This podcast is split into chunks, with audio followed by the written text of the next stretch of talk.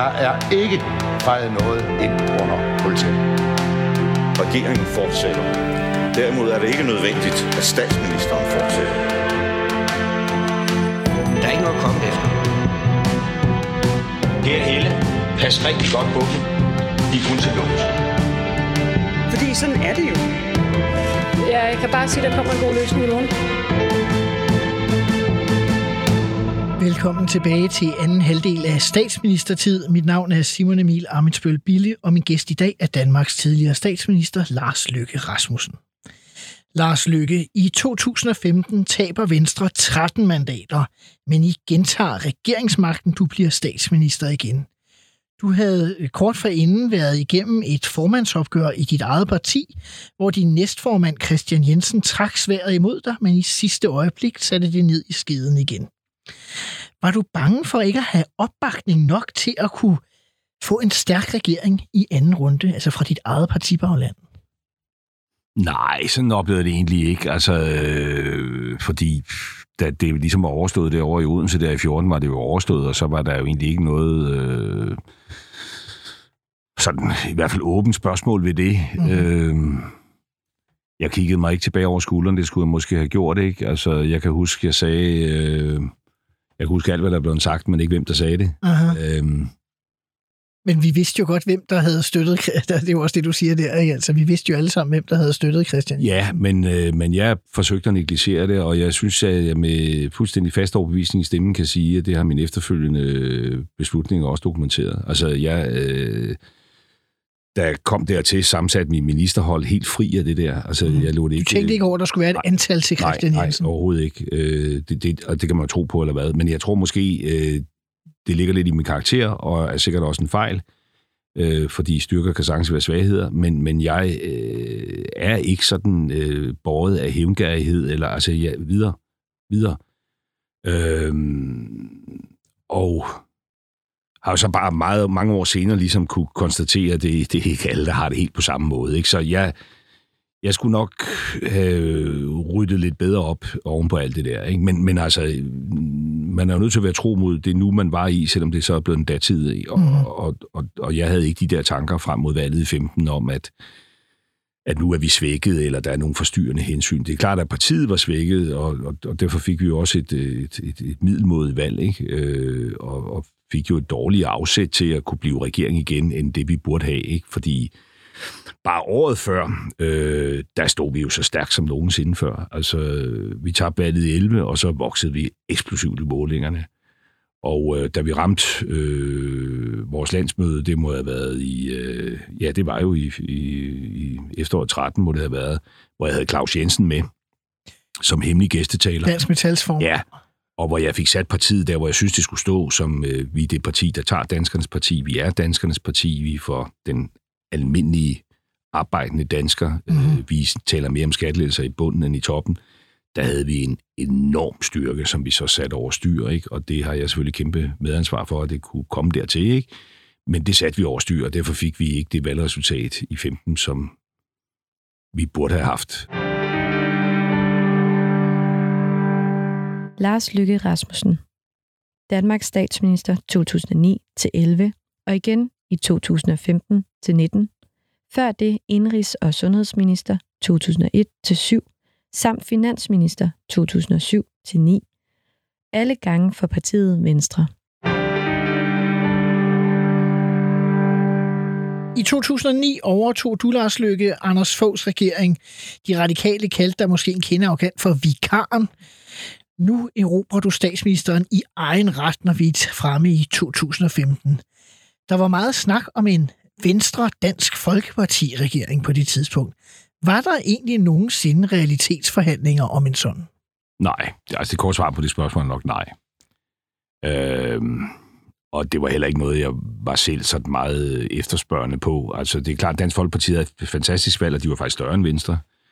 Øh, og hvis de havde øh, ligesom insisteret, havde man været nødt til at tage det alvorligt, men, men, men, men, men det havde jeg egentlig ikke nogen oplevelse af, at de gjorde, og jeg åbnede heller ikke selv altså spillet for, at jeg er parat til at lave noget indholdsmæssigt flyt flytning, som, som gør det helt oplagt. Altså, øh, fordi det, det tænker jeg ikke, Danmark har brug for. Så det var sådan egentlig forhandlinger på skrøm fra begge parters side. Jamen, jeg ved, det var aldrig rigtigt øh, på tale, øh, fordi øh, jeg var ekstremt velforberedt øh, ved det valg, faktisk. I anden runde. Ja, øh, ekstremt. Altså, vi havde øh, i den grad en, en drejebog, der ville noget. Øh, ikke kun på det politiske, men også på det med regeringens egen indre liv, og hvordan sætter man regeringen i gang. Øh, øh, vi samlede ministerne på Marienborg umiddelbart efter, vi tog ægtefælderne med, vi havde en tidligere minister, der kom og fortalte nye minister om, øh, hvad har I vente, når medierne falder over jer. Altså, vi gjorde Må man rigtig, sige, rigtig... hvem det var? Ja, det var, det var øh, Lene Espersen, Aha. øh, som, som var der. Øh, altså, vi havde forberedt det på rigtig mange dimensioner, og egentlig også forberedt, øh, kan man sige, regeringens indre liv. Det blev alle sammen lidt overflødet, da det sagde med, at det kun var Venstre. Altså, fordi det var jo ligesom forberedt med sigte på, at nu er vi nogle flere partier, der skal sidde i regeringen sammen, og hvor- hvordan får man... Hvad havde du forestillet dig, når du siger det? Fordi øh, der var jo ikke... Øh, hvis det ikke skulle være Dansk Folkeparti, hvem skulle det så have været? Ja, det skulle jo have været de konservative. Aha. Og det kunne også godt have været de konservative liberale alliance, så vi har fået en borgerlig-liberal regering, som så havde haft et stort øh, støtteparti til højre for os i værdipolitikken, men til Aha. venstre for os i den økonomiske politik. Aha. Og som så kunne have substitueret Socialdemokratiet i en række sammenhænge. Men det, der skete efter det valg, det var jo, at øh, Venstre havde ikke fået tilfredsstillende valg, men i særlig grad var de konservative blevet disciplineret. De fik deres dårligste valg i historien med kun seks mandater. de var ufattelig små, ikke? Ja. Og, og, øh, og havde slet ikke mod på at træde i regering. Øh, Det havde Liberal Alliance, Aha. øh, men det var der ikke noget perspektiv i. Jeg, jeg kan huske, at øh, vi sagde til dig øh, hjemme hos dig øh, i din egen lejlighed, at vi gerne ville i regering, og jeg kan huske, du sagde til os, at det måske havde perspektiv, hvis de konservative ville med, men Søren Pape vil ikke. Nej, præcis. Altså fordi, øh, hvis man nu har lavet en VLA-regering, Aha. Det prøvede vi jo også at få dig til. Ja, altså, jamen helt ærligt, så havde den jo haft øh, et parlamentarisk grundlag, der havde stået øh, sådan lidt på begge sider øh, af det her telt. Altså, Aha. det er der ikke noget perspektiv, nu skal man passe på med sprogbruget, men altså, øh, der er mange, der kunne stå og urinere ind i teltet så, ikke? Og det var fra begge sider. Altså, Det virker da meget godt for Mette Frederiksen. Ja, men jeg tror også, at Mette Frederiksen er jo... Øh, historien gentager jo aldrig sig selv helt Sådan på samme det. måde. Og jeg tror, at, øh, at øh, Mette Frederiksen kan sende mange, mange varme takkekort til Liberal Alliance. fordi at... Altså, alt det, der skete, og den måde, der blev ageret på, øh, har jo også disciplineret. Altså, hvis du Mhm. ser enhedslisten som parlamentarisk grundlag for Mette Frederiksen nu, så er det jo dækkende lammehaler i forhold til det enhedslisten, som øh, Bjarne Gordon øh, stod med. Mm-hmm. Og noget af det, tror jeg, man med bestemthed kan tilskrive, at folk har lavet studier på, øh, hvordan går det, hvis man begynder at erodere den regering, man i virkeligheden er parlamentarisk grundlag for, sådan som LA i visse perioder gjorde det. Ikke? Det kan man jo ikke afvise, øh, at du har ret i. Man kan sige, at alle, alle partier studerer jo hinanden, og ja. alle var bange for at blive lige så medgørlige som enhedslisten var i forhold til Bjarne Korydon. Det var jo blandet derfor, Liberal Alliance var så øh, voldsom over for dig. Det var fordi, vi ville pokkers ikke ende, som Johannes Schmidt, der stod og sagde pisser øh, på vælgerne, Nej, nej, nej. nej. samtidig med, at der ikke skete noget som Så helst. overstyrede I måske, øh, og, og, og så kan det være, at enhedslisten så bagefter sådan ligesom er drejet tilbage i den anden grøft. Ikke? Men, men bare for at være tro mod det, altså man siger, hvis vi kunne have lavet en, altså sådan en, en borgerlig-liberal regering med Venstre, konservativ, liberal alliance, så kunne der være et perspektiv i det, men de konservative ville ikke. Liberal Alliance prøvede så også med sådan en flertalsregering af alle fire partier. Jeg kan afsløre for lytterne, at dit ansigtsudtryk øh, signalerer ikke, at du øh, tænkte, det var den mest realistiske idé i verden. Øh, det, der i hvert fald har undret mig sådan senere, det er i virkeligheden, der er fire partier, der vinder et valg til sammen. Man er alle sammen enige om, at du skulle være statsminister. Hvorfor pokker det var så svært, og det kan jeg jo selv have et medskyld for, at du kan have, andre kan have. Hvorfor er det så svært at få det til at fungere og se det som en alliance, i stedet for som en konkurrence? Ja, der kan man måske, når der er gået nogle år, invitere alle med ind til en rundbordssamtale. Ikke? Jeg, jeg tror, der er mange lag i det der. Noget af det er også, øh, der er også nogle personlige ting. Der er mange ting. Ja. Ikke? Øhm, Var det et selvstændigt problem, at Dansk Folkeparti blev større end Venstre? Sådan oplevede det, altså det var selvfølgelig ikke så rart, altså det havde været sjovere, hvis det ikke var sådan, men, men jeg oplevede egentlig ikke, at det var det. Øh, Det var det er svært at være lillebror, når man er større. ja, nej, fordi jeg synes egentlig, at øh, det, altså, vi dannede en lille venstre-regering, og den kom rigtig, rigtig godt fra start. Altså mm-hmm. den kom rigtig, rigtig, rigtig, rigtig godt fra start. Det gjorde den faktisk. Øh, og den havde et indre, en, altså et indre dynamisk liv, fordi alt var let. Altså, øh, normalt er det jo sådan, når man har sådan en flertals, eller flerpartiregering, så har man ministermøder om tirsdagen, og så sidder ministerne for de respektive partier med sig selv om fredagen. Aha. Og, og, og vi, var jo, vi var jo regeringen hele tiden. Altså, uanset om Byråkratiet vi, var mindre. det må man sige, og beslutningsgangene var sprøde og effektive, og, øh, og vi fik produceret rigtig meget øh, politik på hylderne og i skufferne.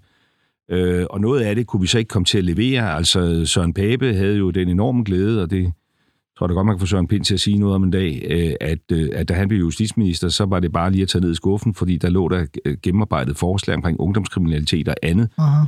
som vi havde været nødt til at holde tilbage, øh, da der ligesom gik parlamentarisk krise med den lille øh, Venstrepartiregering. Ikke? Så det, det var på mange måder øh, en, en, en, en, en god tid, men, men, men det druknede jo så, da politikken frøs til med den her helhedsplan. Ikke? Aha. Øh, du skulle øh, udpege øh, din egen regering rigtigt øh, for første gang. Øh, det blev sagt, at du, øh, hvis folk afslørede, at de var blevet spurgt, om de skulle være ministre, ville de ikke stå på listen øh, dagen efter det hårde forhold. Øh, jeg vil sige, hvordan er det egentlig, det er der jo ikke mange, der ved, hvordan er det egentlig at ringe rundt sådan en, øh, en aften, eller hvad det nu er, og spørge den ene efter den anden, om de nu vil være øh, ministre? Nå, men det er egentlig en... Øh, altså, det, det er jo en god ting, det er jo en dejlig ting. Altså, Aha. det, er jo, øh, det skaber jo glæde og skaber glæde, fordi de fleste, der tager telefonen, de bliver glade for, at man ringer. Så er der nogen, der alligevel måske havde håbet, man havde ringet, jeg har sagt lidt tidligere på aftenen, altså med noget andet end det, de så fik, ikke? Men, men, men grundlæggende, så er det jo øh, som partiformand, altså, det er da den fedeste partiformandsopgave, der findes. Det er som at være julemand. Ja, at være kommet dertil, at nu skal vi sammen øh, ind i regeringskontorerne, Aha. og øh, nu ringer jeg til dig, fordi jeg har brug for dig som udenrigsminister, finansminister, indrigsminister, hvad det nu kan være. Ikke? Øh, det, er en, det er en god ting. Hvor ofte har du egentlig prøvet, at der er nogen, der siger, tak fordi du ringer, Lars Lykke, men, øh, men ved du hvad, øh, det, det siger jeg nej til. Det har jeg aldrig prøvet. Ah, ja, jeg vil dog sige, at jeg har haft Søren Gade i studiet. Han siger, at han har sagt nej. Ja, men det er øh, en lettere omskrivning af historien. Fordi jeg har aldrig prøvet at ligesom have en liste og sige, nu er det den her, vi ringer igennem, øh, og så få at vide, det vil jeg ikke. Det har jeg ikke prøvet. Jeg har, jeg har sikret mig, at når jeg kom dertil, altså hvor der skulle ringes, altså sådan for alvor, Ja, altså øh, vidste jeg, hvad der blev svaret, når man ringede. Og så øh, kan jeg have haft nogle overvejelser på et tidligere stadie, der har gjort, at nogen, jeg måske troede, skulle stå på listen, jeg ringede til. Nu bliver jeg lidt nysgerrig. Hvordan, ja. Hvordan laver man så øh, forhåndsafklarings... Øh, afklarings, øh, Det gør man da ved bare at lægge øret til græsset, der gror. Altså, det kan der være mange måder, man, man gør det på. Men jeg har godt nok noteret mig nogle mennesker ude i den offentlige debat, men det kan jo være, at det ikke har noget med mig at gøre, som, som siger, at de er blevet ringet op af både det ene og det andet tredje parti. Det har ikke været, mens jeg har været der i hvert fald. Nej. Øh, Det har det ikke. Altså, hvis jeg har haft en, en, øh, en, øh, altså et stort talent, der har gået rundt i det kommunale Danmark, eller sådan noget, som jeg har tænkt, kunne det være noget, så har jeg jo sørget for via, øh, øh, ja, altså liaison officers, havde jeg sagt, altså folk, der kender folk, og prøver at finde ud af, altså hvad er det for nogle ambitioner, folk går rundt med, ikke? aha. Fordi jeg synes, det er uhensigtsmæssigt at sætte sådan en situation, øh, hvor man giver folk øh, det, øh, havde nær sagt, øh, vokseværk, at man ringer til dem og siger, jeg kan ikke undvære dig, og så siger de, jeg kan godt jeg kan godt undvære dig. Hvad med, ikke? ja. Ja. Øhm, og Søren Gade, det siger du, det, det skete ikke. Jamen, altså, Det er bare Søren fordi, han, Gade, har siddet- han har stået her i det her studie og jamen, der sagt, er ingen tvivl om, at jeg vil gerne have Søren Gade som minister. Ja. Øh, og, øh, han sagde at det var fødevareminister. Jeg vil gerne have Søren Gade som minister, og, øh, og jeg har også haft en samtale med Søren Gade om at blive minister, øh, hvor Søren Gade konkret så sagde, at det ville han ikke. Han ville hellere være gruppeformand for Venstre. Uh-huh. Og så tog jeg det ned og lagde det til grund. Øh, og det kan godt være, at hvis jeg havde øh, i min kabale ligesom tænkt, at han kunne have været en anden minister, end den jeg havde forestillet mig, så havde jeg sagt, det vil jeg gerne. Det skal Aha. jeg ikke kunne afvise. Nej, nej.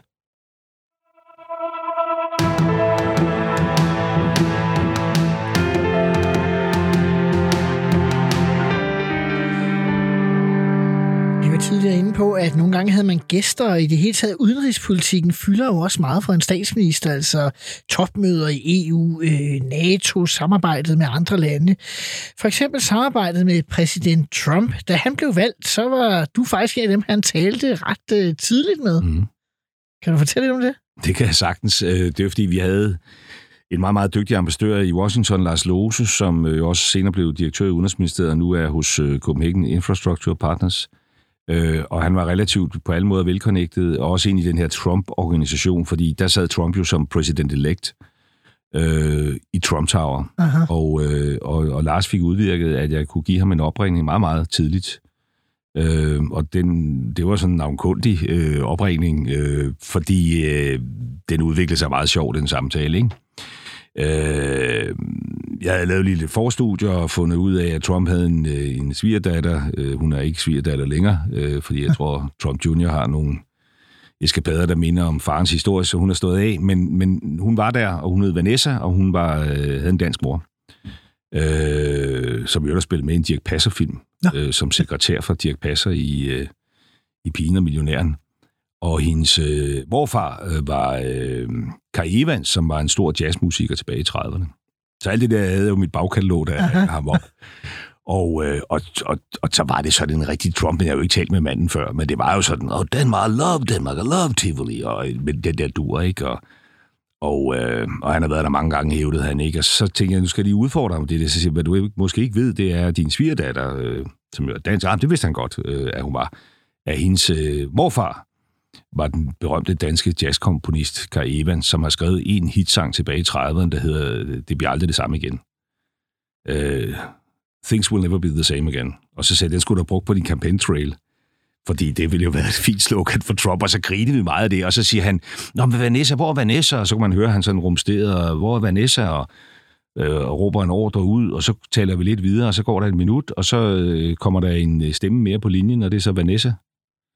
Øhm, hun har så senere fortalt mig, at hun var ude at handle, da de der security-folk skubber til hende og siger, your dad is on the phone, ikke? og så kommer hun med i samtalen, og så siger han jo det der, øh, Vanessa, Vanessa, do you know who I'm talking to?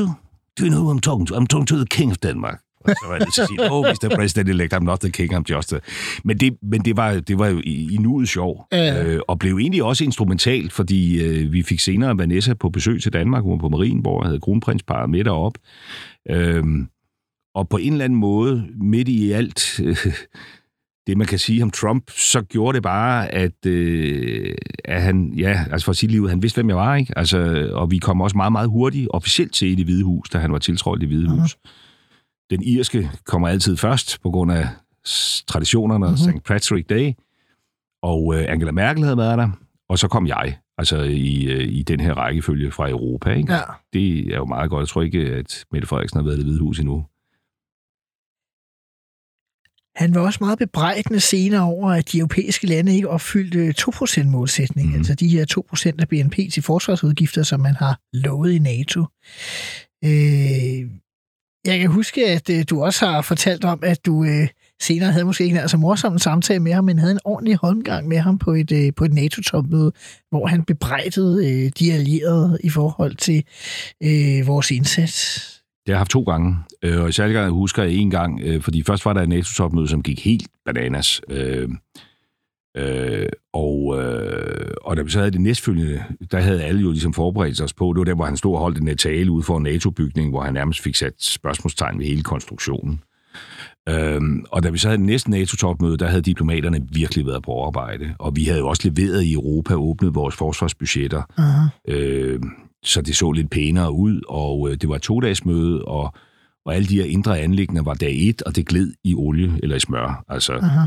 øh, og der var en, en fin og fornuftig stemning. Da vi så tog hul på næste dag, så var vi jo forbi alt det her, og vi havde Georgien og Ukraines præsidenter på besøg, og det var egentlig sådan, nu skal vi snakke med vores venner fra Georgien og Ukraine. Og så tror jeg, det gik op for Trump der om morgenen, da mødet startede, at, øh, at han havde misset balladen. Altså, at vi var forbi det punkt. Aha. Og, øh, og der tog han så bare ordet fra, fra Stoltenberg og, og fik sagt til os alle sammen, at hvis vi troede, at vi var færdige med den snak, vi burde have haft i går, så havde vi taget helt fejl. Aha. Øh, og det var meget, meget voldsomt. Ja. Øh, og det var så voldsomt, at, at, at, at Stoltenberg sagde, I think we need a break, and uh, we should ask our friends from Ukraine and Georgia to leave the room, and we will continue in a one-by-one format, som altså betyder, at der kun var regeringslederne og én embedsmand per hvert land. Aha. Og så kom vi tilbage, og så, øh, så fik vi ellers bare øh, skæld ud. Og det foregik på den måde, at han tog papirerne ud af hænderne på Stoltenberg, og så begyndte han at gå landet igennem. Uh, Germany, Angela Merkel, you know, Angela, I love you. I love Germany. I love you. I love Germany. Germany is such a great country, but 1.3%, that's not enough. Og så gik han landet igennem. Aha. Øh, roste Grækenland, som var det eneste land, der spark i øjnene ved at bruge markant mere end 2%, fordi de jo har haft kæmpe øh, tilbageslag i deres økonomi, og procentregning er jo herlige ting. og sådan Taknemmeligt, noget. ja. Det var, det var helt, øh, øh, det, var, det var meget, meget vildt. Ja. Øhm, og folk tog ordene, og der var også noget brown nosing over det, tror jeg lidt, og prøv nu at se, hvor mange penge vi bruger flere end sidste år, det er jo din fortjeneste, osv. osv.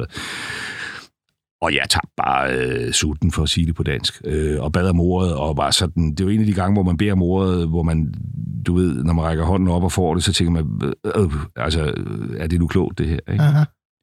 Øh, og så sagde jeg det, jeg mente. Altså, jeg sagde, øh, vi har haft 43 dræbte soldater i Afghanistan. Det er det samme som USA i forhold til vores størrelse. Har været der hver gang, der bliver kaldt på os, og der er ingen måde, jeg vil acceptere, at vores bidrag alene bliver opgjort i procenter, uden skelen til, om vi stiller op og hvad offer vi har lidt. Mm. Og jeg kan ikke tage hjem og se øh, ind i øjnene på de pårørende til dem, der har mistet deres drenge øh, i Afghanistan, hvis det foregår på den her måde. Og så blev der så stille, at man kunne høre en knapnål falde til jorden, og man sidder der og bider sig lidt i læben og tænker, har man, altså, har man overgjort det? Mm. Øh, men det havde jeg ikke. Altså, der var så mange, der kom hen bagefter og sagde, det var godt, du sagde det, Lars. Mm. En skulle sige det. Og Trump selv kom ned bagefter og sagde, slog mig et ordentligt glas på skulderen og sagde, you made a good point, you made a good point. Ikke? Så der var også den anden side. Altså, Mm. Øhm, men det var, det var ekstraordinært, og det hele taget var det en mærkelig periode, hvor man jo skulle have den her gode relation til USA, og, øh, og, og følte, at den var sådan dobbelttydig, fordi vi havde jo Mattis, altså deres forsvarsminister, som jo var klog og god, og en god ven af Danmark, og en kæmpe god relation til Claus Hjort, og som faktisk også kom. Jeg havde et bilateralt møde med ham øh, inde i mit eget kontor, hvor han sagde, det var godt, du sagde de der ting til min chef, og det er vigtigt, at sådan nogen som jer gør det, fordi han har respekt for jer. Jeg sad og tænkte, jeg er en lille mand fra Danmark, men, altså, men det, man har jo en position. Så de var så meget efterspørgende for, at vi skulle tage den der med ham. Ikke? Øhm, og så opretholde facaden ud af til, når man har været i det hvide hus, og sige, manden skal jo bedømmes på det, han gør, ikke det, han siger. Og, Mm. altså. Mm. Men det var jo øh, vildt. Altså, det var vildt. Ja, det endte også meget vildt. Jamen, det, ja, ja, det er endt helt vildt, hvis det er endt. Jeg vidste det. det, Ja, det er et men, åbent spørgsmål, og det er jo også derfor, at og det er måske det, der sker, når man bliver statsminister. Jeg kan også mærke det på min efterfølger. Ikke? Altså, man får måske sådan en indblik i nogle sammenhæng derude, hvor man tænker, at vi skal godt nok passe lidt bedre på os selv. Ikke? Øh, og ja, vi har et stærkt transatlantisk samarbejde, og det skal vi stå vagt om, og det er vores sikkerhedsparaply og sådan noget. Men vi har også et USA, der polariseres Mhm. øh, helt ekstremt. Øh, stormen mod kongressen, risikoen for, at der kommer en Trump-type igen. Altså, vi er nødt til også at disponere på en måde, hvor vi, hvis det går galt, altså øh, ikke står afklædt tilbage. Ikke?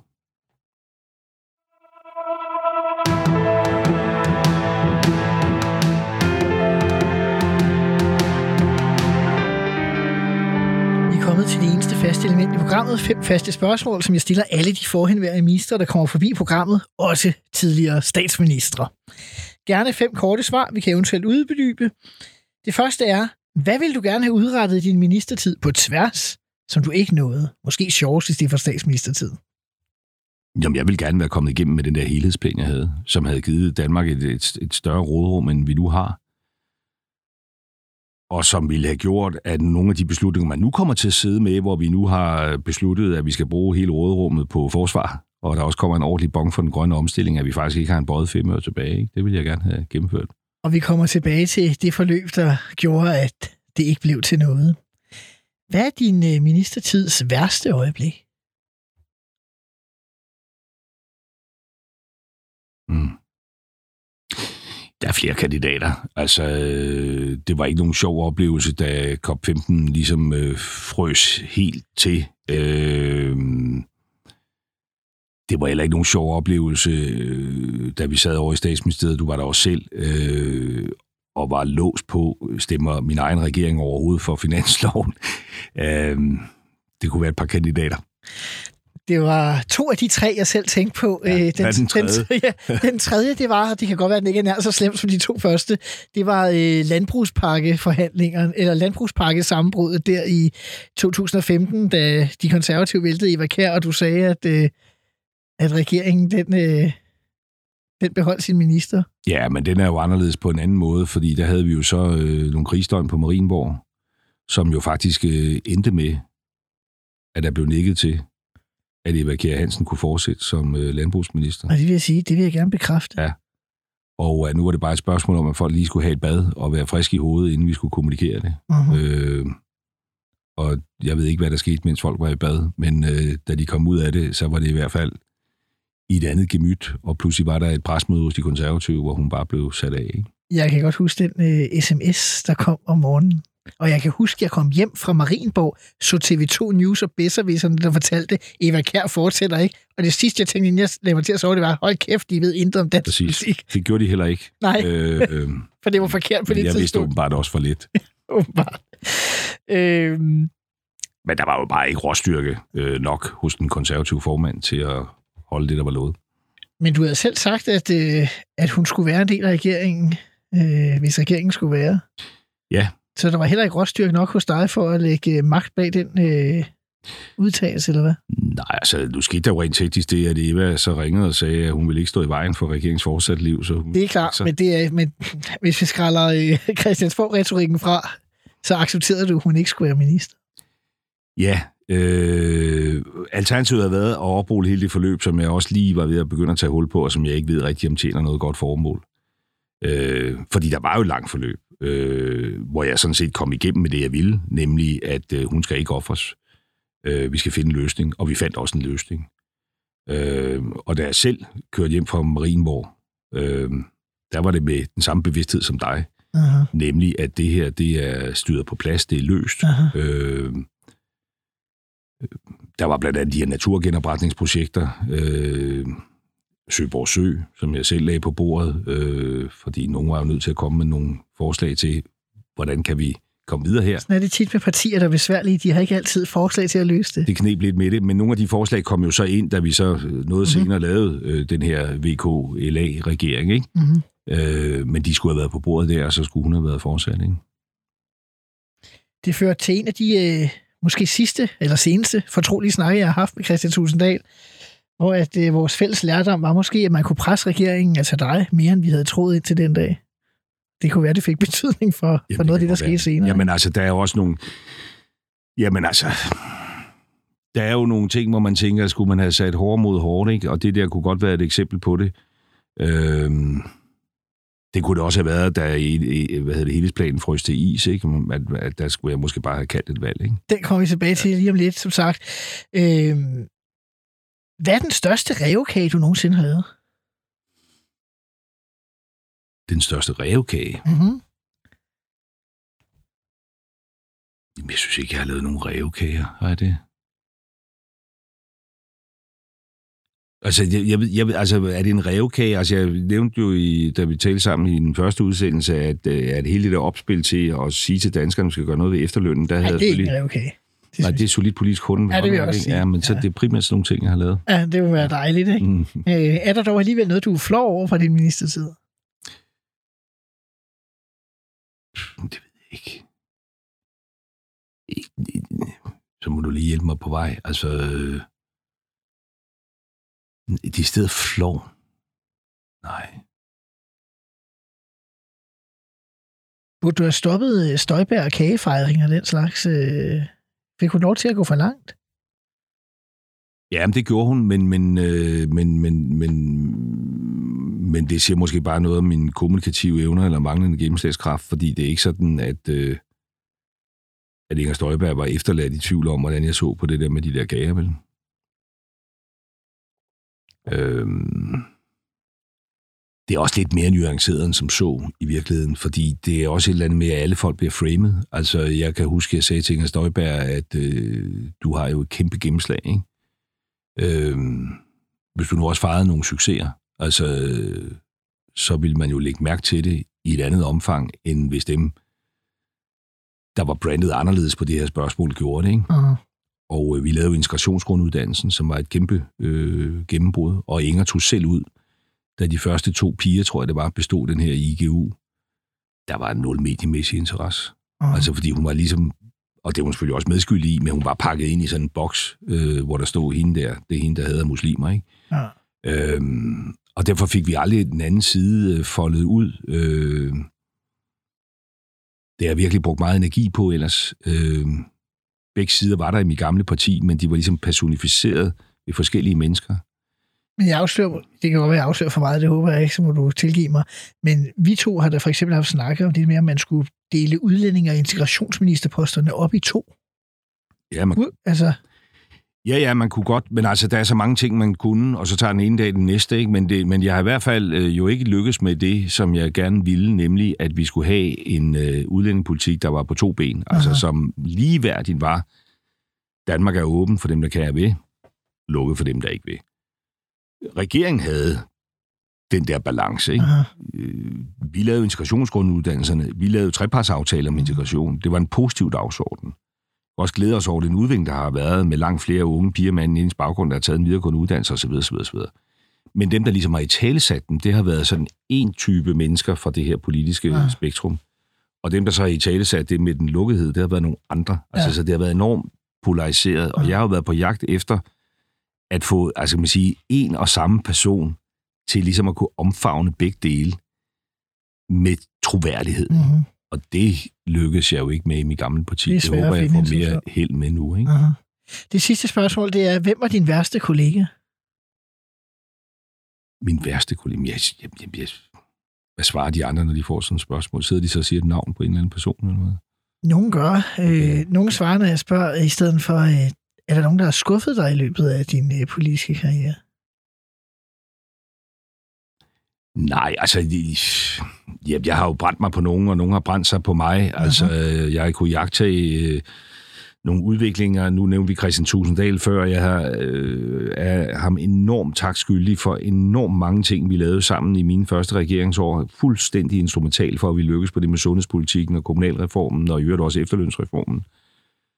Øhm, men der havde man også en, en Pia Kærsgaard, som ligesom havde den her arbejdsfordeling, hvor, hvor, hvor, hvor, hvor Christian kunne substansen, og den nørdede han og jeg så, altså det gjorde vi også om netterne, og, og vi brugte virkelig mange timer, ikke? Ja.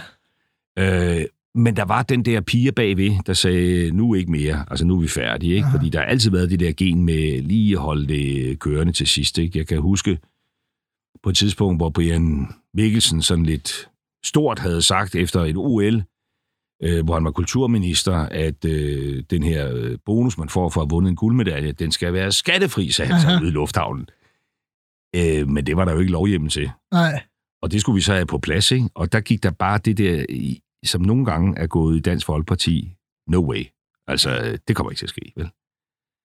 Men jeg tror også, alt en lille sag. Det er med på, men hvor det bare blev ved og ved og ved og ved og ved. Aha. Og hvor det simpelthen blev så symbolsk vigtigt for det konservative folkeparti. Vi kan ikke lukke den her finanslov, medmindre vi har gjort de der præmier skattefri. Aha, Og hvor det var lige så tydeligt, det kommer aldrig til at ske. Aha. Altså, og, og det blev bare ved og ved og ved. Og man tænker, det er, vi sidder her og har budgetteret 10.000 milliarder øh, kroner, og, og, og nu kommer vi ikke i mål. betaler det 5 her, ikke? millioner eller et eller andet, hvad det nu måtte. Ah, der, der, der oplever man sådan en stedighed, måske hos begge parter, hvor man Aha. tænker, kom on, ikke? Ja. Nu løste vi det jo så ved, for man skulle altid finde en løsning, og sige, vi fordobler så den der bonus, Og de betaler stadig. og så betaler de skat, og så var nettobidraget jo det samme, ikke?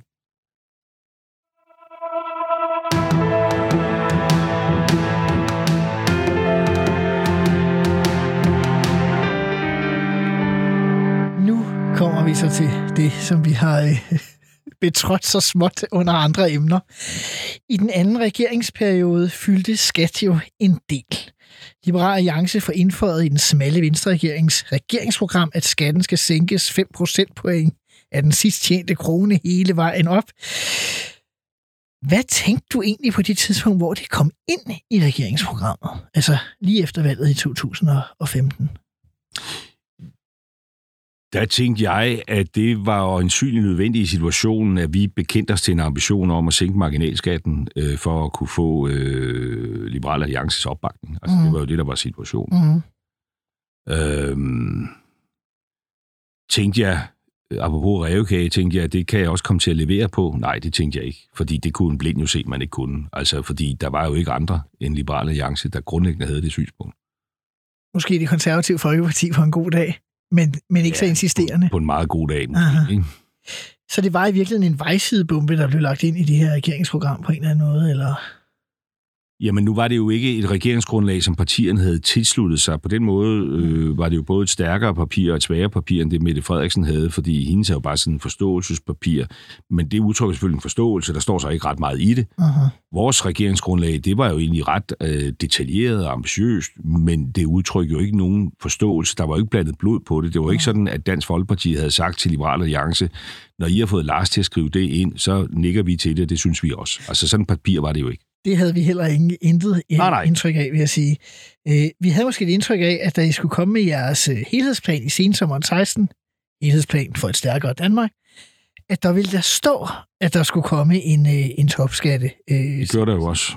hele vejen op. Ja, men der, der stod så i helhedsplanen, at vi ville lette skatten, øh, altså senest topskatten med 5% op til en million. Ikke? Uh-huh.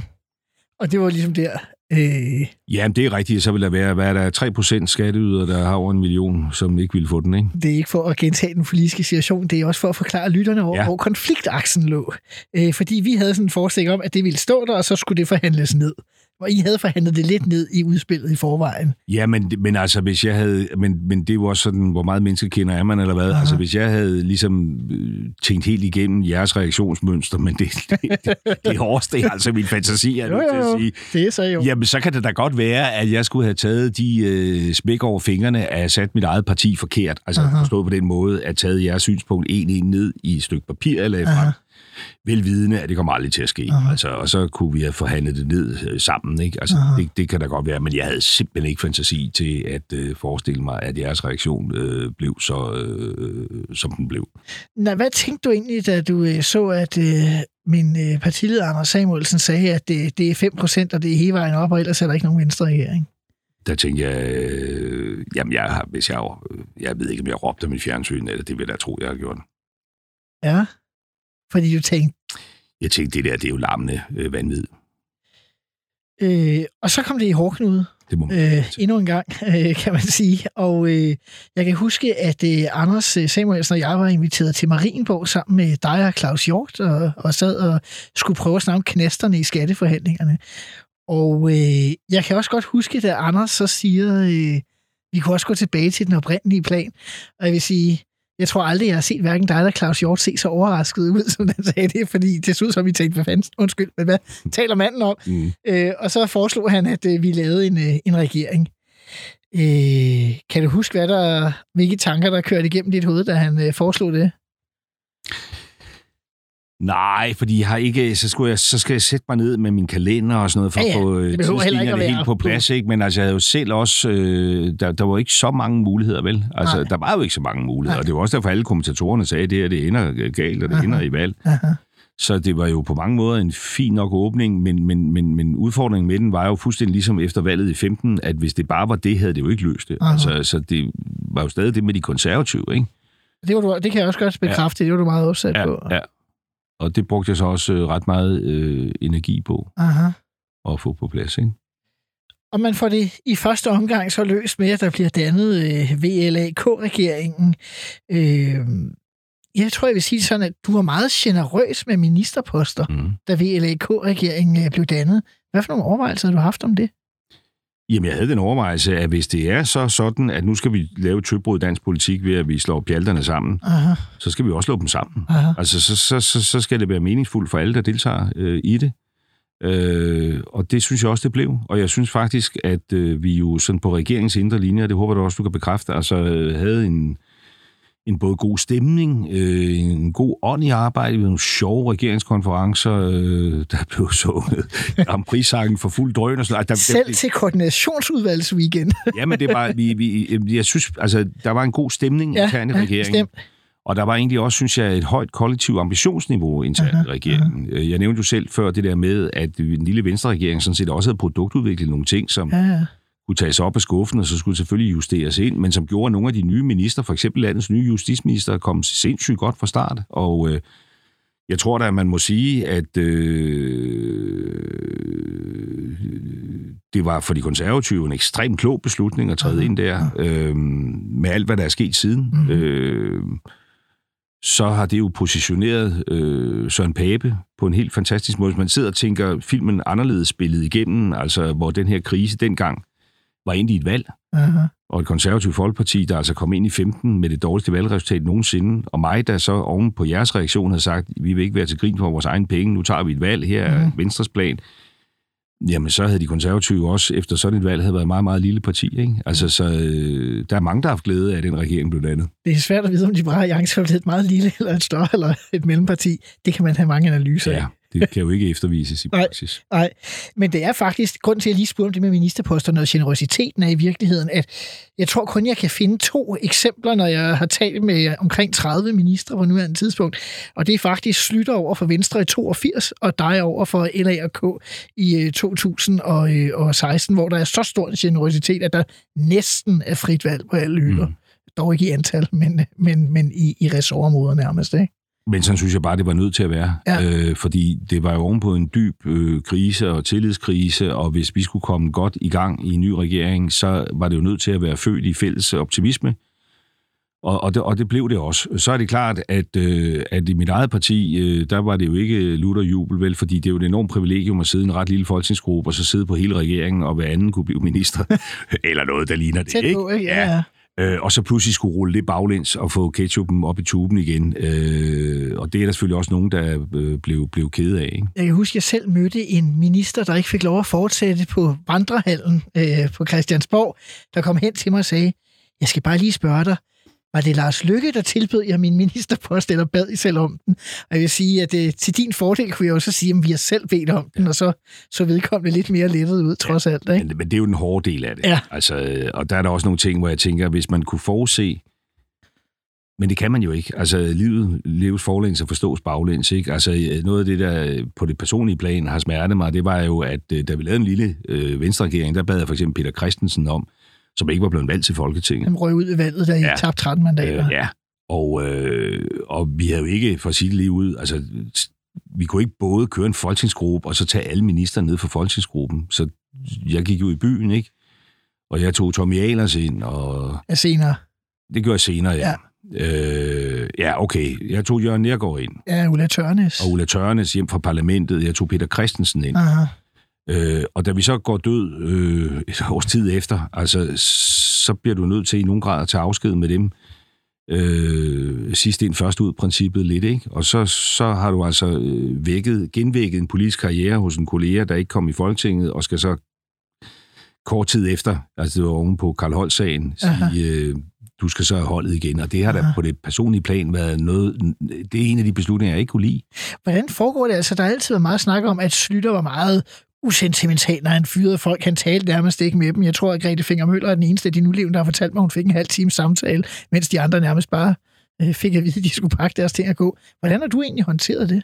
Jamen, jeg har talt med folk, men det har jo været kort. Altså, fordi Ja. sandheden er jo bare, at det er jo en enormt stresset øh, tidsmæssig situation, fordi du skal, du skal både sætte et nyt hold, og du skal tage afsked med nogen, og det hele skal køre øh, hen over få timer, så der, der, der, så der bliver jo ikke tid til de der store samtaler. Nej. Og så kan du så signalere, at den skal vi have senere, men, men, men det er jo typisk ender det jo med, at det får man måske ikke alligevel. Mm-hmm. Øhm,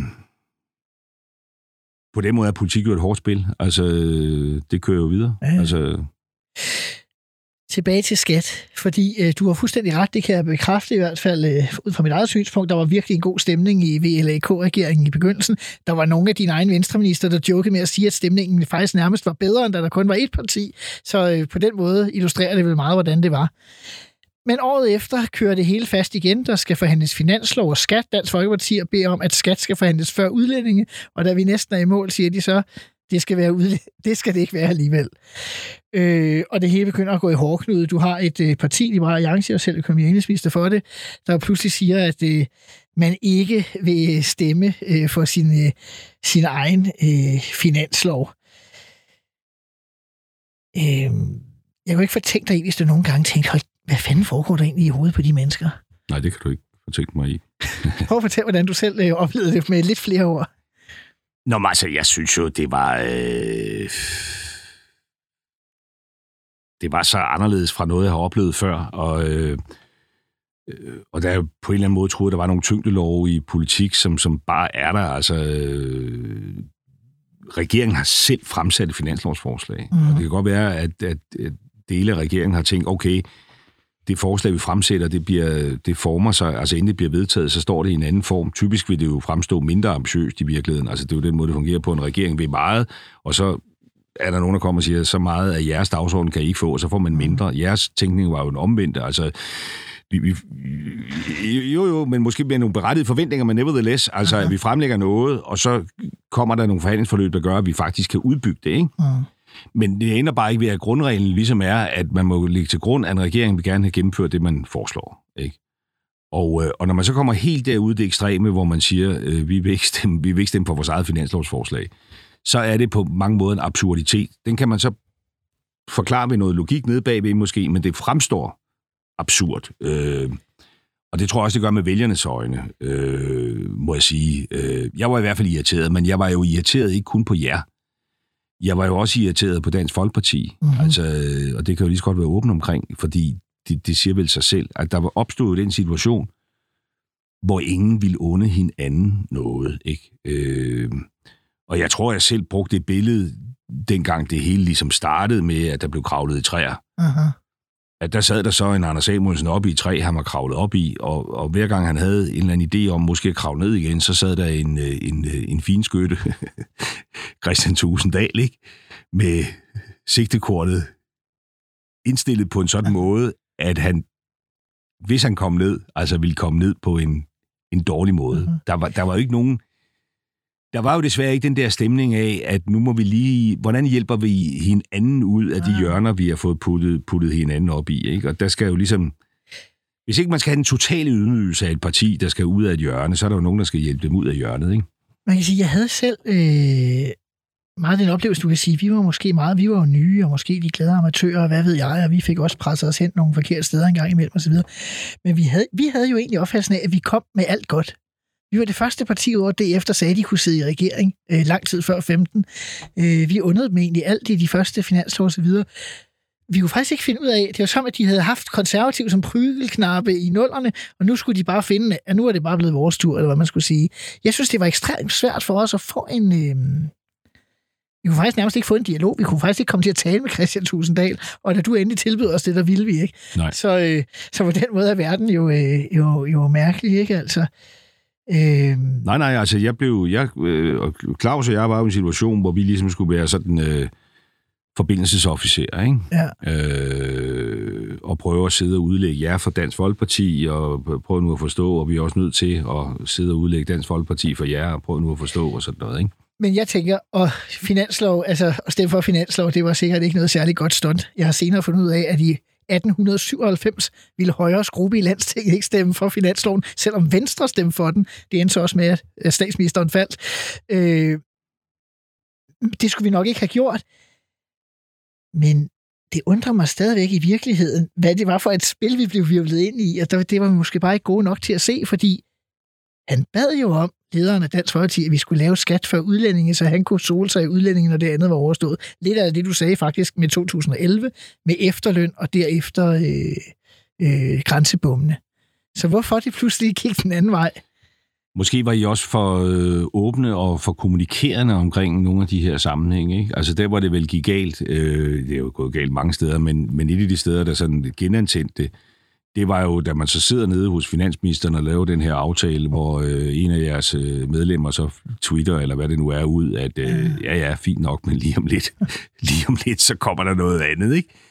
Øhm, men det var jo et symbol i virkeligheden på, at tilliden var fuldstændig råd. Det må man sige, men der ville man jo nok normalt have sagt i losens tegn. Altså, jeg mener, øh, for nu at lave en parallel til efterlønsaftalen, hvor Aha. jeg havde en samtale med Pia Kjærsgaard, og nu laver vi det, og så Aha. laver vi noget på grænsen og sådan noget der havde jeg jo ikke det efter sad og tweetede den dag, vi lavede efterlønsaftalen, og sagde, ja, vi laver efterlønsaftalen, men glæd jer, der kommer noget med grænsen om 14 dage, vel? Altså, øh, jeg tror, I sprang nogle, øh, nogle uskrevne regler i, i politik lidt i luften, ikke? Man kan sige, vi gjorde det måske for åben skærm, mens andre gjorde det bag de lukkede døre. Og det var måske den skævhed, der var i forhold til kommunikationen. Øhm, havde du foretrukket, at LA havde trukket sig ud af regeringen efter det her? Nej, fordi det, det, der, der var det Nej, nej, nej. Altså, der, der, der er nu også overlever nok til at tænke, nu er vi der, nu skal vi finde vej frem, og det, det havde været endnu værre. Men jeg havde klart foretrukket, øh, og det er jo min egen fejl, når jeg sådan ser det hele igennem, og først forstår det bagefter. Jeg har klart foretrukket, at det havde tjent mit eget parti bedre, tror jeg, øh, hvis jeg, da helhedsplanen ligesom ikke kunne flyve, selvom at jeg vidste, at der langt i den danske fagbevægelse var bare inde på den, og erhvervsorganisationerne også kunne se perspektiv i den og sige, det her, det kan ikke fortsætte på den måde. Altså, vi er nødt til at få øh, luftet ud i stuerne. Øh, Venstre som regering har den her plan, den er god for Danmark. Mm. Øh, nu tager vi et nyt valg. Og det forstår jeg godt. Hvis vi nu så stadigvæk går et, et år frem til 17, øh, Øh, jeg kan huske under turningperioden, der sagde du tit til os andre, at hun burde sætte sig noget mere for bordenden i forhandlingerne. Burde du egentlig som statsminister have sat dig for bordenden for skatteforhandlingen, fordi du vidste, de var så betændte, og måske haft bedre held end Christian Jensen til at kunne have fået Dansk Folkeparti og Liberal Alliance til at mødes?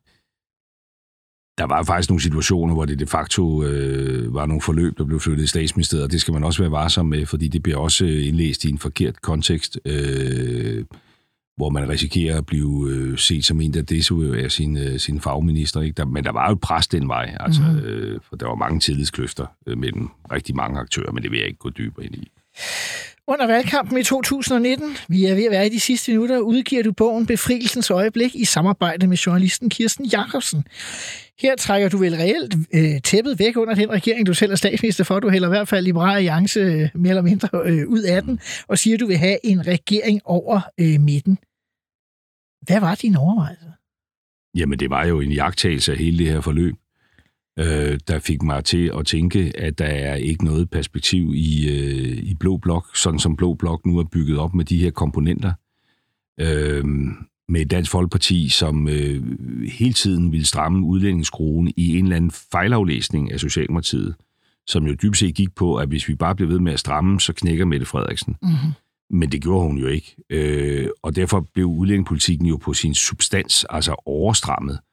Øh, der er også kommet nye borgerlige til med ultimative krav om at bryde konventionerne og sådan noget. Øh, og jeg tænkte, det, det fører ingen steder hen, og det er slet ikke det, Danmark har brug for. Øh, hvis man vil vide, hvad jeg vil med Danmark, så skal man til, gå tilbage til den der helhedsplan. Altså, fordi øh, jeg vil ikke omkalfatre det danske samfund. Jeg vil øh, vedligeholde det, justere det, øh, forbedre det, så det bliver fremtidssikret. Og, og min egen analyse var bare, at det kommer ikke til at ske, og den er uændret den dag i dag. Og når jeg valgte at gøre det i en bogform, så er det jo fordi, at øh, hvis jeg havde kommunikeret den analyse på det tidspunkt, hvor jeg ligesom, den nåede mit hoved, så skulle jeg være kørt op til dronningen jo. Altså på et eller andet tidspunkt, øh, lang tid før valget, skulle jeg mm. en eller anden dag være kørt op til dronningen, og så jeg vil gerne indgive min afskedsbegæring, fordi det her kommer ikke til at du. Eller jeg skulle have trådt tilbage, inden jeg udskrev valg. Det var også en overvejelse, jeg havde. Mm. Altså, jeg kunne have trådt tilbage, inden jeg udskrev valget, mm. opløse regeringen og sige, at vi fortsætter som forretningsministerium, men vi går ikke til valg som samlet regering. Regeringen er trådt tilbage. Jeg valgte den her mellemform, hvor jeg valgte bogen for ligesom at dokumentere, at det ikke var en pludselig indskydelse, men omvendt altså øh, holdt initiativretten ved at være statsminister i valgkampen. Ikke? Lars Løkke, nu har du stiftet dit eget parti. Øh, det har en tidligere statsminister vel ikke øh, gjort, øh, siden din partifælle og statsministerforgænger Knud Christensen gjorde det i 53. Skal du være minister igen? Det ved jeg ikke. Altså, jeg vil da ønske, at mit parti kom i en position, hvor det var relevant for moderaterne og for andre, at vi indgik i en regering. Og så vil jeg da være en af de kandidater, vi stiller med, som vil kunne løfte en ministeropgave, tror jeg. Ingen tvivl om det. Lars Lykke, tak fordi du kom og gæstede statsministertid. Til tak.